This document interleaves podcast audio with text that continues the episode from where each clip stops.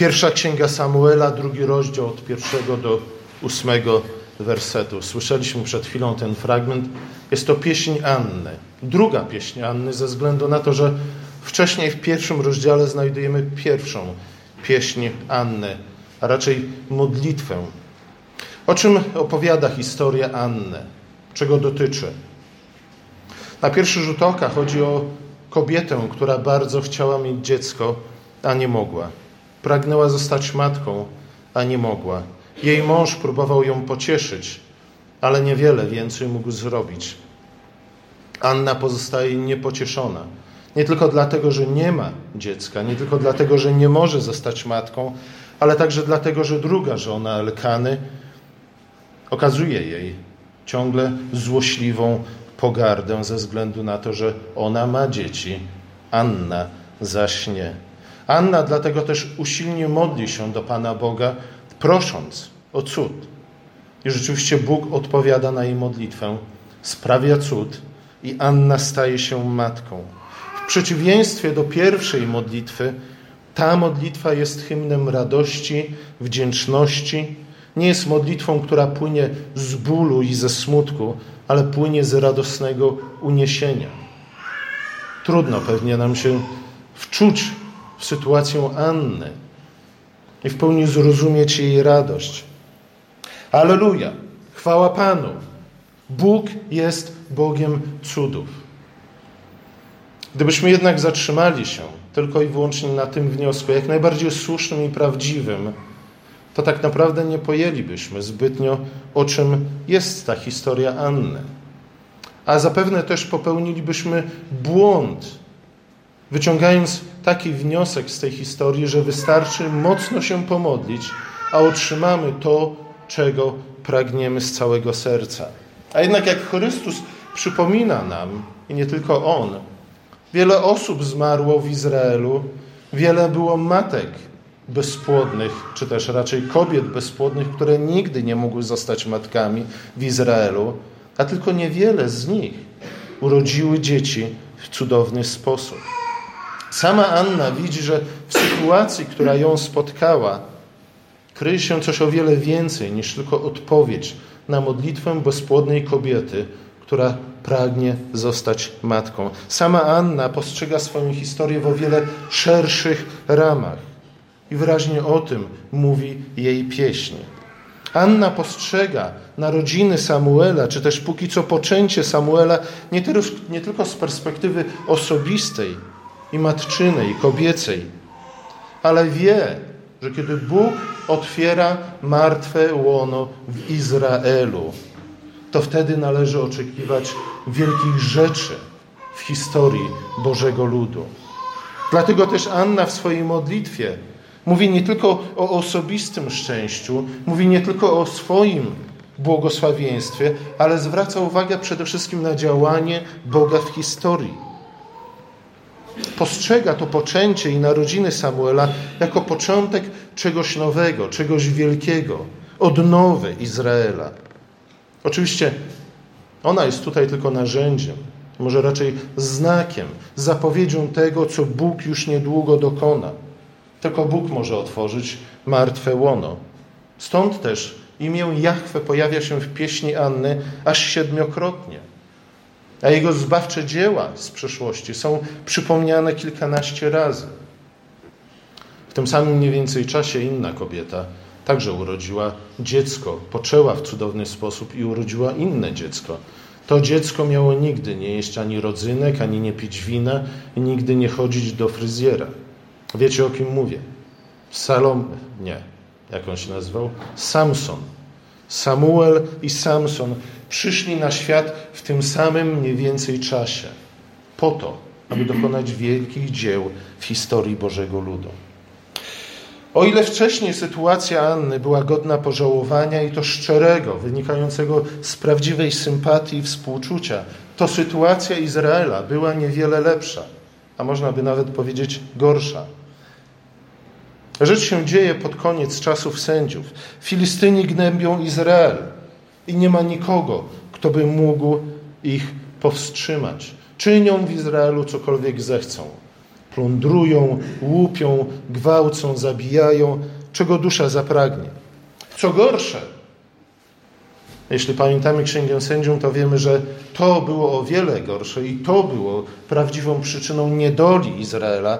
Kapłani są całkowicie zepsuci i skorumpowani. Heli i jego synowie tuczą się na składanych ofiarach. Nie są ani sumienni, nie są również uczciwi. Traktują swój urząd kapłański tylko i wyłącznie jako okazję do tego, aby się wzbogacić i zyskać władzę i wpływy w Izraelu.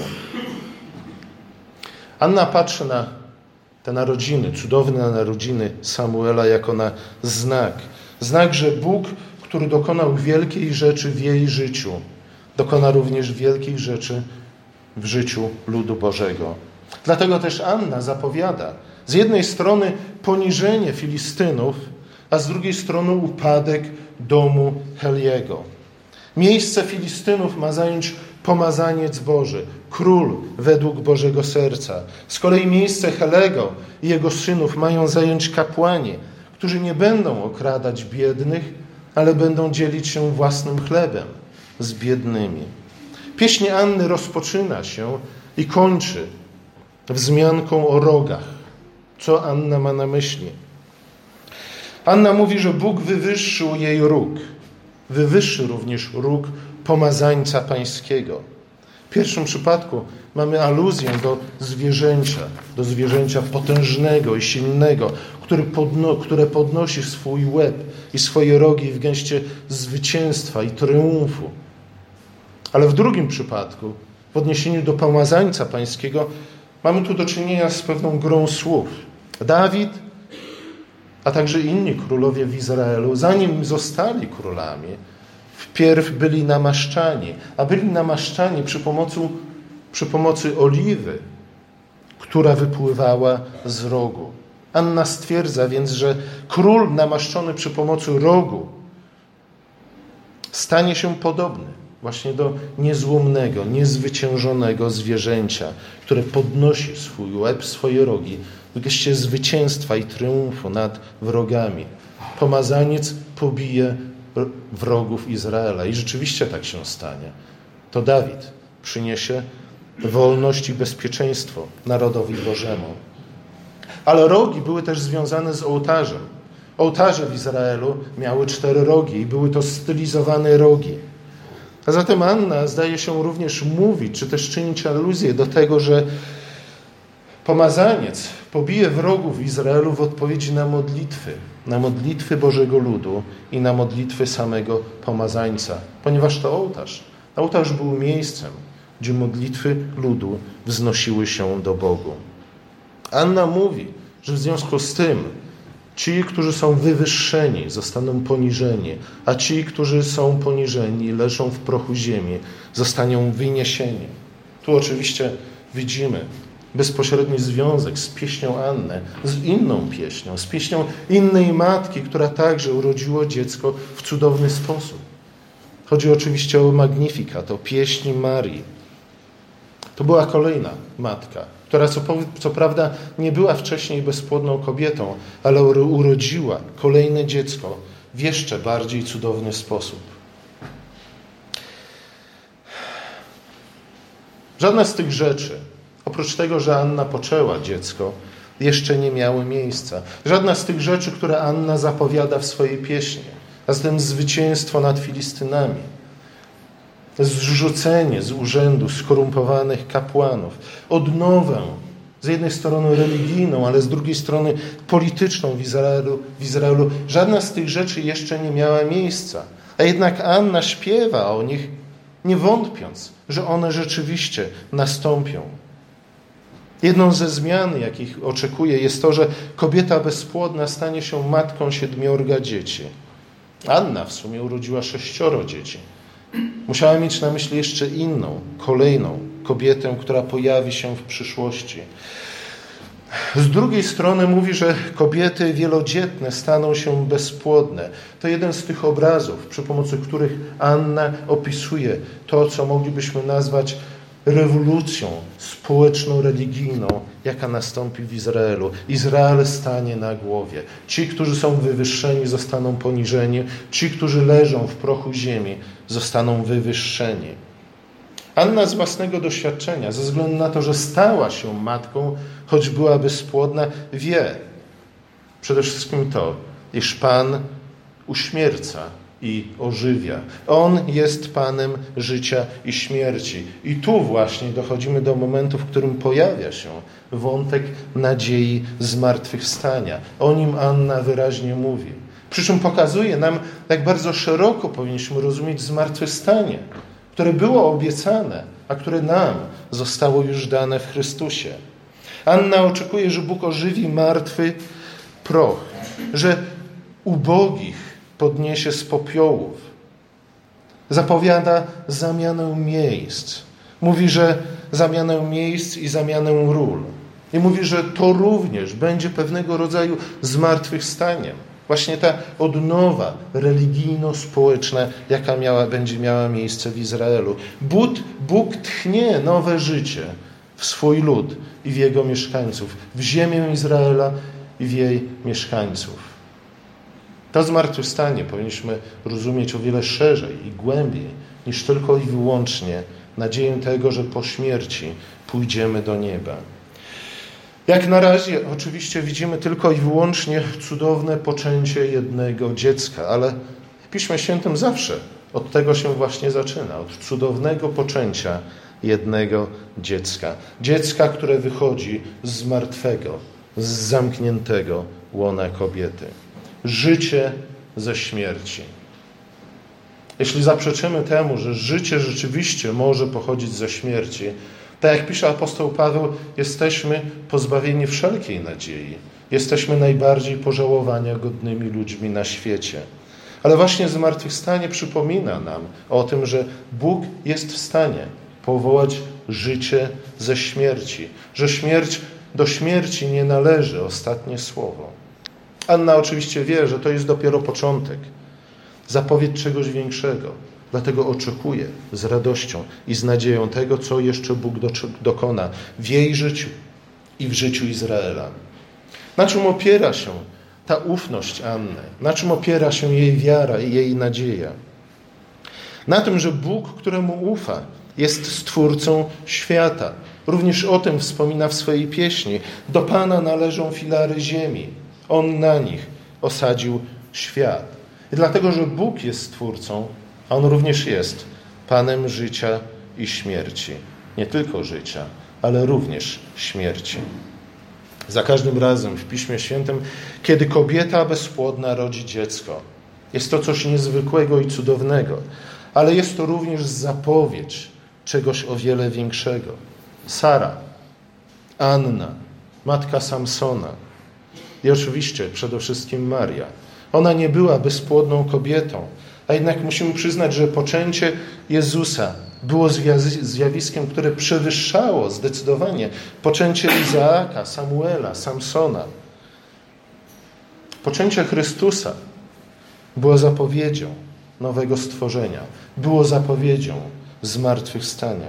Cudowne narodziny, życie wychodzące z martwego łona to przejaw działania życiodajnej i stwórczej mocy Bożej. Mocy, która jest właśnie mocą stwórczą i dlatego jest mocą życiodajną. Jest to moc, która czyni nowe rzeczy. W ten sposób Pan Bóg lubi się przedstawiać nam wszystkim. Ja jestem tym, który wszystko czyni nowym. Jest mocą, która urzeczywistnia to, co niemożliwe. Mówi o tym apostoł Paweł Właśnie na przykładzie Abrahama i Sary. W liście do Rzymian. Abraham widział swoje obumarłe ciało, widział także obumarłe łono Sary, ale nie zwątpił w obietnicę potomstwa, ponieważ otrzymał ją od tego, który ożywia umarłych, a także powołuje do istnienia to, co nie istnieje. Jeśli Bóg jest w stanie powołać do istnienia to, co nie istnieje. W żaden sposób, w żadnym sensie to znaczy, że śmierć nad nim nie panuje, że on jest panem również śmierci. Jeśli Bóg mocą stwo słowa stworzył świat z niczego, to ten sam Bóg może ożywić to, co martwe. Czyż nie w ten sposób Bóg stworzył pierwszego człowieka? Wydaje się, że Anna również do tego wydarzenia, do stworzenia Adama nawiązuje w swojej pieśni. Bóg najpierw wziął proch, w którym nie było absolutnie żadnego życia i uformował, ukształtował formę człowieka, a następnie tchnął weń swojego życiodajnego ducha i tak człowiek stał się istotą żywą.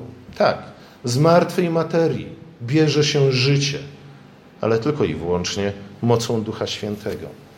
Ten sam Bóg może również sprawić, aby śmierć właśnie nie była ostatnim słowem w życiu człowieka. Ten sam Bóg, tą samą mocą, tym samym słowem może sprawić, żeby ludzie źli i bezwzględni nie triumfowali nad tymi, którzy są pokorni i uczciwi.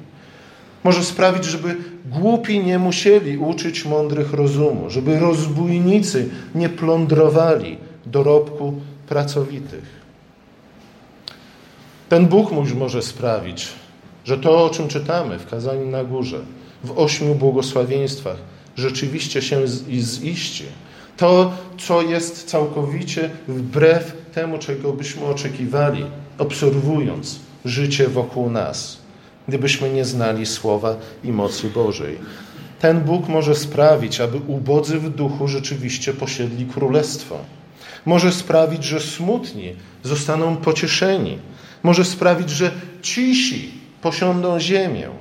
Żeby łaknący sprawiedliwości w końcu zostali nasyceni, żeby miłosierni dostąpili sami miłosierdzia, żeby ci, którzy są czystego serca, oglądali Boga twarzą w twarz, żeby ci, którzy czynią pokój, zostali nazwani synami Bożymi, żeby ci, którzy cierpią prześladowania ze względu na sprawiedliwość, odziedziczyli Królestwo Boże i w nim panowali. To wszystko dokona się.